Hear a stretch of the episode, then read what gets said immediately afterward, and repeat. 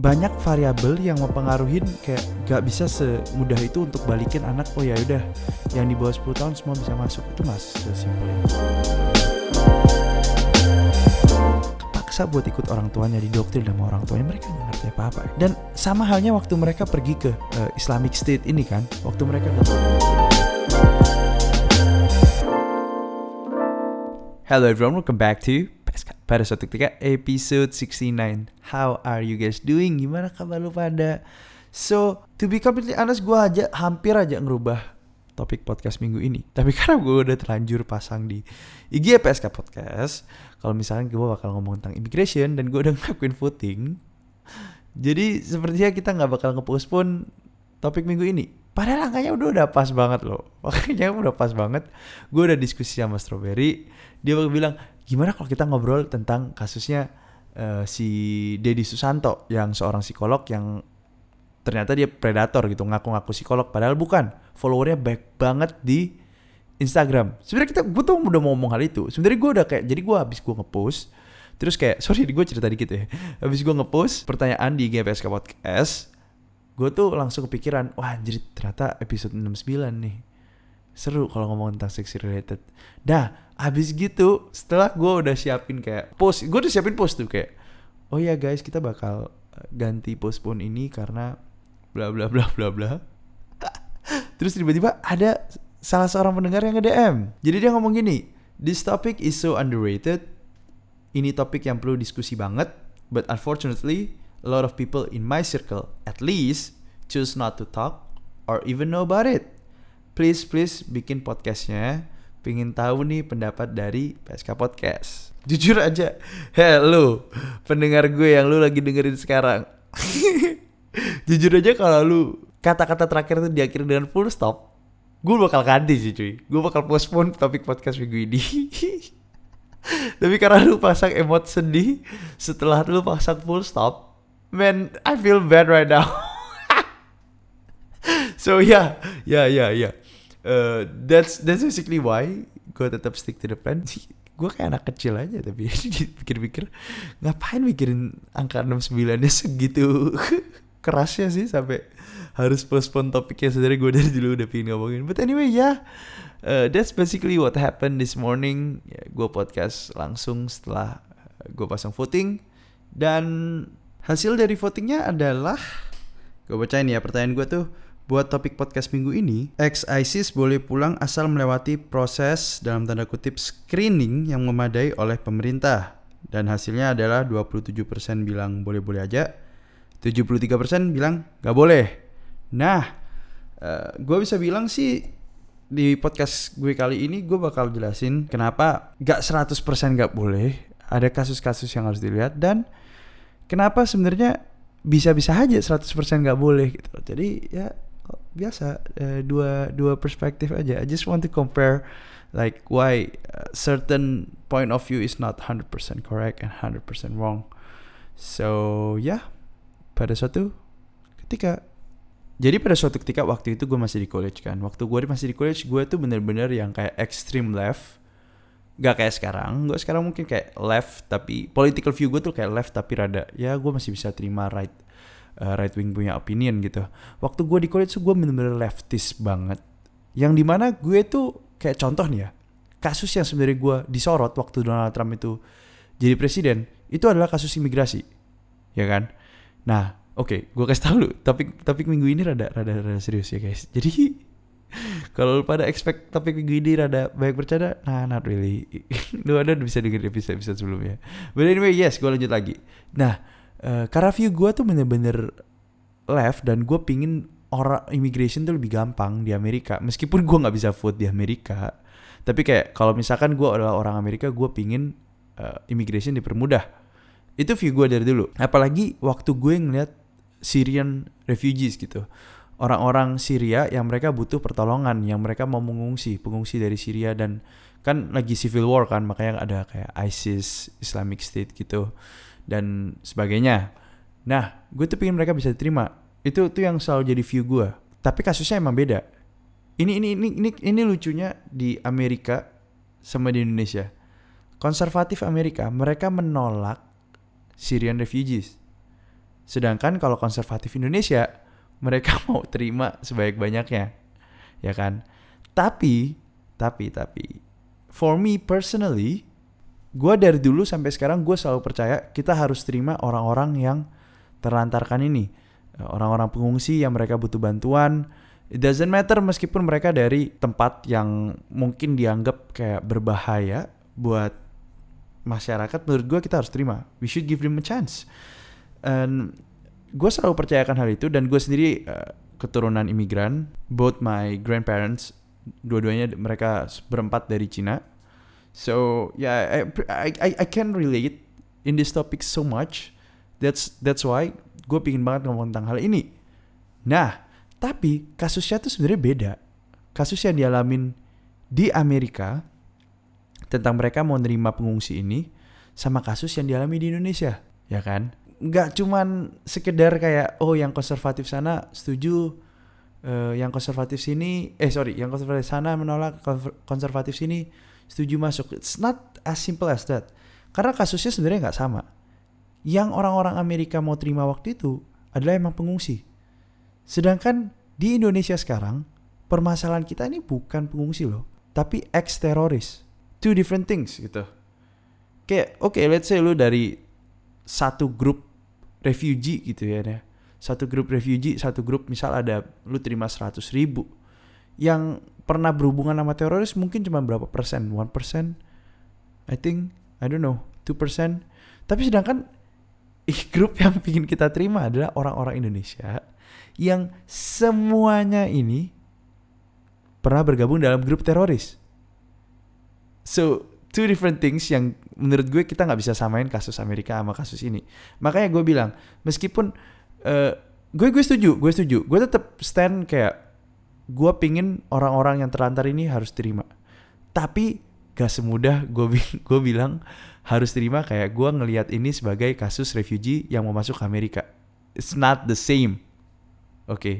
But let me explain why it's not the same and why uh, I guess kayak kenapa seseorang mereka kita harus terima mereka dan kenapa kita harus reevaluasi apakah kita harus menerima atau enggak itu kan ya jadi back in 2016 uh, ada seseorang politician Donald Trump Jr.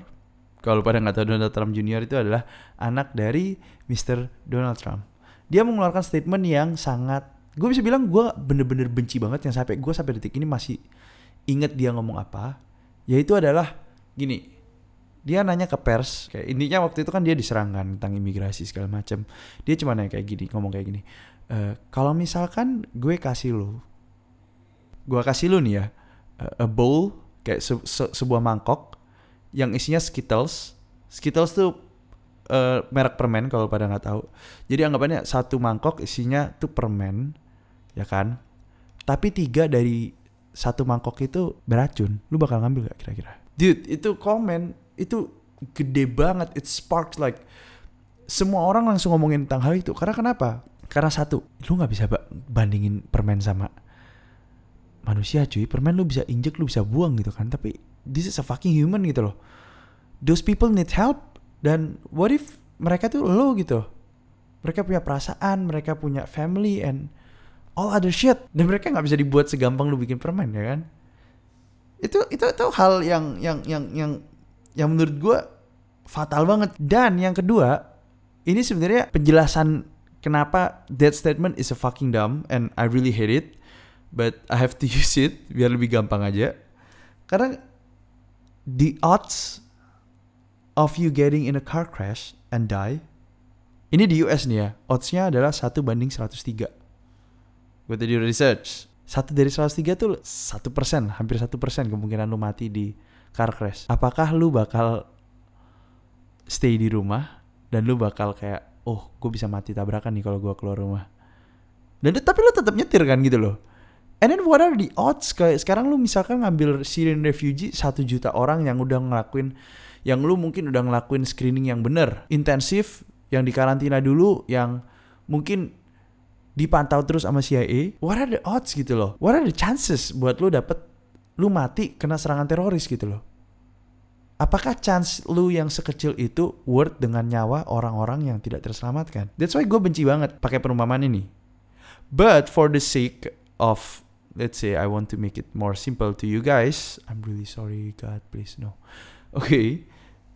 Kalau lu kalau kita anggap pernyataan si uh, Donald Trump Jr. ini benar.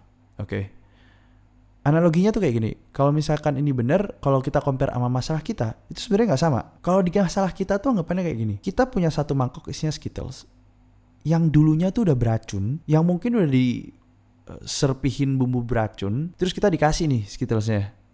Eh nih permen skittles udah bersih kok sekarang lu mau makan nggak tapi kayak men variabelnya tuh banyak banget gitu loh kayak bersihnya gimana? Pokoknya udah bersih. Apakah lu bakal terima? Gue coba ingetin lagi ya sebenarnya kasus ini nih pernah kejadian di bom Surabaya.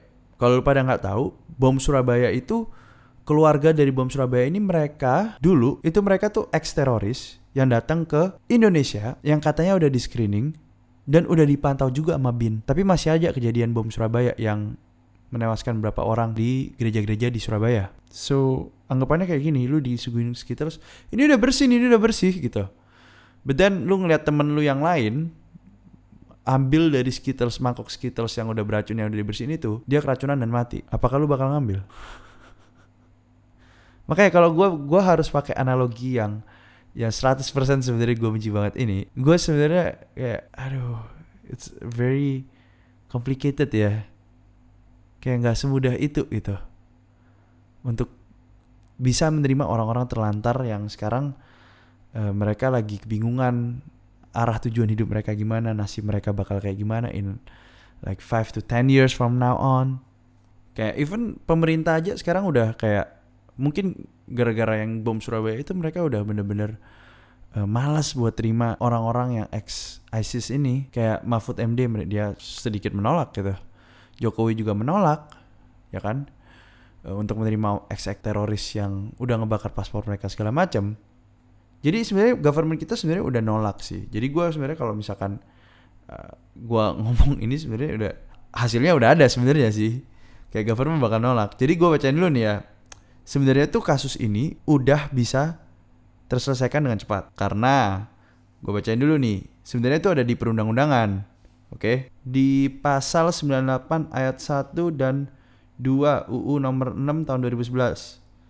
Menteri berwenang melakukan penangkalan. Pejabat yang berwenang dapat meminta kepada menteri untuk melakukan penangkalan. Oke, okay, aturan teknis penangkalan diperjelas dengan peraturan pemerintah nomor 21 tahun 2013 tentang peraturan pelaksanaan UU keimigrasian. Pasal 236 disebutkan orang yang terlibat dalam kejahatan transnasional terorganisasi bisa ditangkal masuk ke Indonesia. Dan pasal 236 ayat 2 berbunyi, oke, okay, ini di, dijelasin semua nih ya. Gue bacain beberapa poin ada 5 poin tapi yang related to the first three. Diketahui atau diduga terlibat dalam kejahatan transnasional terorganisasi, satu kan. Menunjukkan sikap bermusuhan terhadap pemerintah Indonesia atau melakukan perbuatan yang mencemarkan nama baik bangsa dan negara Indonesia. Which is mereka udah bakar paspor, mereka bakar bendera Indonesia, right? Eh, ketiga, diduga melakukan perbuatan yang bertentangan dengan keamanan dan ketertiban umum, kesusilaan, agama dan adat kebiasaan masyarakat Indonesia. Which is mereka they did pretty bad things kayak ngebunuh orang segala macam, ngenyulik uh, and yeah, so many other things. Jadi sebenarnya government kita udah pasti nolak mereka. Bukan udah pasti nolak sih, mereka kayak they have the right to say no to them. Oke, okay but still gitu loh. Maksud gue it's not as simple as that. Yang yang gue sebenarnya kasihan itu sebenarnya bukan ama oke okay, gue masih kasihan lah sama orang-orang yang datang sana terus mereka udah bakar terus mereka nyesel dan mereka pengen balik. Gue tetap kasihan.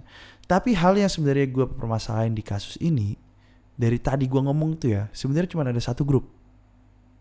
Anak-anak kecil. Itu yang gue permasalahin dari dulu. Kayak itu yang menjadi alasan kenapa meskipun kasusnya ini beda sama refugee Amerika, gue tetap stay percaya kita harus kasih kesempatan buat ex ISIS ini buat pulang. Itu cuma karena anak-anak kecil ini. Can you imagine kayak gini loh? Anak-anak kecil ini waktu mereka, waktu bom Surabaya aja deh. Anak-anak kecil ini mereka kepaksa buat ikut orang tuanya di dokter sama orang tuanya. Mereka nggak ngerti apa-apa ya. Dan sama halnya waktu mereka pergi ke uh, Islamic State ini kan waktu mereka gabung sama teroris mereka tuh nggak ngerti apa-apa cuy mereka tuh kayak dipaksa sama orang tuanya buat ya ini kebaikan untuk kebaikan kita untuk masuk surga segala macam. Dan mereka they have no choice gitu. Kayak kalau mereka nolak orang tuanya juga nggak mungkin kan ya karena satu mereka sayang orang tuanya dua karena mereka udah doktrin tiga kalau mereka di Indonesia mereka jadi yatim piatu gitu.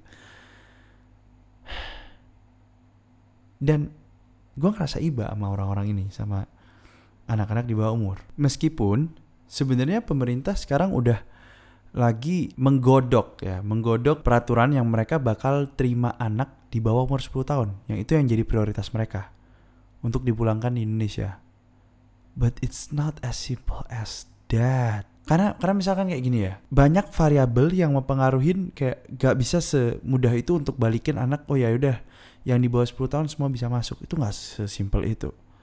Karena if you think about it anak yang pulang ini berarti dia jadi anak yatim piatu dan anak yatim piatu di Indonesia punya track record yang kurang baik ya kan karena kurangnya bantuan dari government terus kayak society ngecap anak yatim piatu itu semacam kayak it's a bad thing gitu jadi ini nih bahaya nih kalau mereka bisa kan pulang dengan status langsung jadi yatim piatu. Itu yang pertama. Yang kedua, dari kecil tuh mereka udah dididik sedemikian rupa yang ngebuat mental mereka tuh sebagai mental pembunuh. Contoh ya, ini dari BBC gue dapat interviewnya sama orang-orang. Dari kecil tuh mereka biasanya udah dikasih tahu kayak semacam mereka tuh udah diajarin kata-kata kasar, dia udah diajarin kayak uh, hidup keras tuh kayak gimana. Dan waktu mereka kayak menjelang umur 8-9 tahun itu mereka udah belajar militer, pakai senjata, berantem, membunuh segala macam. Itu mereka udah diajarin tuh. Insting mereka udah dibikin dari kecil. Dan tidak terlepas pula sama the fact that mereka juga udah diajarin ajarin pengajaran-pengajaran doktrin-doktrin yang radikal. Yang kalau misalkan masuk Indonesia takutnya bisa menyebar. Jadi kayak ini variabel nih sebenarnya yang bikin gak bisa semudah itu untuk ngedatengin anak-anak di bawah umur 10 tahun dan itu gue pernah baca artikelnya kayak angka 10 tahun tuh dari mana pak kayak angkanya kayak nggak apa ya kayak nggak ada ilmiahnya kenapa harus angka 10 tahun but well um, itu tuh kayak masih ada lagi menurut gue parah banget. Yang ketiga adalah imagine this. Lu boleh pulang di bawah 10 tahun lu dipaksa sama bonyok lu untuk pulang tapi bonyok lu harus stay. Dan hidupnya terlantar. Gimana perasaan lu sebagai anak kecil? Lu bakal tahu tuh hidupnya bonyok lu bakal nggak enak setengah mati dan dia nggak bakal bisa ketemu lu di Indonesia. Dan lu terpisah. Dan negara ini yang terpisah yang misain uh, lu sebagai anak lu jadi anak yatim piatu dan lu nggak bakal bisa ketemu lagi sama orang tua lu. Perasaan lu bakal gimana? Karena menurut pakar-pakar kayak psikolog Indonesia anaknya bakal dendam kalau misalkan hal itu terjadi. Yang bisa memicu radikalisme bakal keluar lagi di dalam dirinya. Jadi makanya nggak semudah itu untuk kita bisa terima lagi anak-anak itu datang ayolah datang ke Indonesia. Udahlah lu kalau di bawah 10 tahun boleh masuk ke si simpel itu men. It's easier said than done gitu. So yeah I guess that's my view on on this case. Itu pola pikir gue dan pola pandang gue tentang kasus ini. Yang gue pingin pesenin ke lu pada adalah ya gue tahu gitu loh mereka tuh penjahat. Tapi menurut gue everyone deserve a second chance. Dan gue tahu kayak oke okay, people made mistake gitu. Ya mungkin lu ngerasa kayak demi keamanan lu yang kemungkinannya even kecil banget gitu loh untuk lu bisa mati kena serangan teroris tapi emang I fucking agree yang masalah dari mereka itu takutnya virus ini nih anggapannya kayak semacam virus gitu radikalisme masuk yang di mana Indonesia sebenarnya udah bahaya darurat radikalisme kalau mereka masuk akan jadi lebih parah dan gue juga ngertiin Kayak kita udah pernah nyoba sekali untuk menerima keluarga ex teroris dan ternyata hasilnya gagal. Mereka melakukan kejahatan lagi. Makanya gue kasihan banget sih kalau misalkan ada kayak uh, gara-gara satu kejadian satu grup tuh dicap jelek semua gitu. Itu gue kasihan banget sebenarnya kayak uh, kayak misal muslim di Indonesia di dunia itu tuh kan dicap jelek, dicap teroris segala macem. Yang padahal itu cuma uh, group of people gitu, some people doang yang yang melakukan hal ini masa billion of other people harus menanggung uh, cap yang sama itu menurut gue nggak banget so ya uh, sebelum lu pada kayak nolak nolak orang-orang ini nolak orang-orang yang membutuhkan coba it's it's it's okay gitu. Mereka ya udah mereka penjahat ya mereka used to be a traitor dan lu mungkin bisa benci mereka. Tapi coba lu harus think twice sama anak-anak kecil yang mereka dari kecil nggak punya pilihan yang mereka dari kecil dipaksa. Oh mereka juga bisa bunuh lo ya I know I know I know mereka bisa bunuh. Tapi if you think about it gitu lo coba lu di posisi mereka. Kasihan gak sih? But well I mean yeah it's it's my point of view. It's very opinionated. Jadi ya gue nggak bisa maksain lo buat berpikir sama sama gue kan ya. But hey that's basically my view. Uh, let me know if you agree or disagree with what I just say it god damn it why this podcast? Kenapa podcastnya jadi berat banget ya? But yeah I guess that's it for the podcast today. Hey yo, thank you banget udah dengerin PSK Podcast sampai akhir. And I don't have anything to say to be completely honest I just want to say don't forget to follow PSK Podcast on Instagram. Share this podcast to other people if you really feel kayak ya ini ini ini ada ada benefitnya podcast ini. Dan gue percaya orang lain bisa dapat sesuatu hal positif dari dengerin podcast ini. Please do share it because it means a lot for me. And yeah, I guess that's it for the podcast today. I'll see you guys next week and see ya.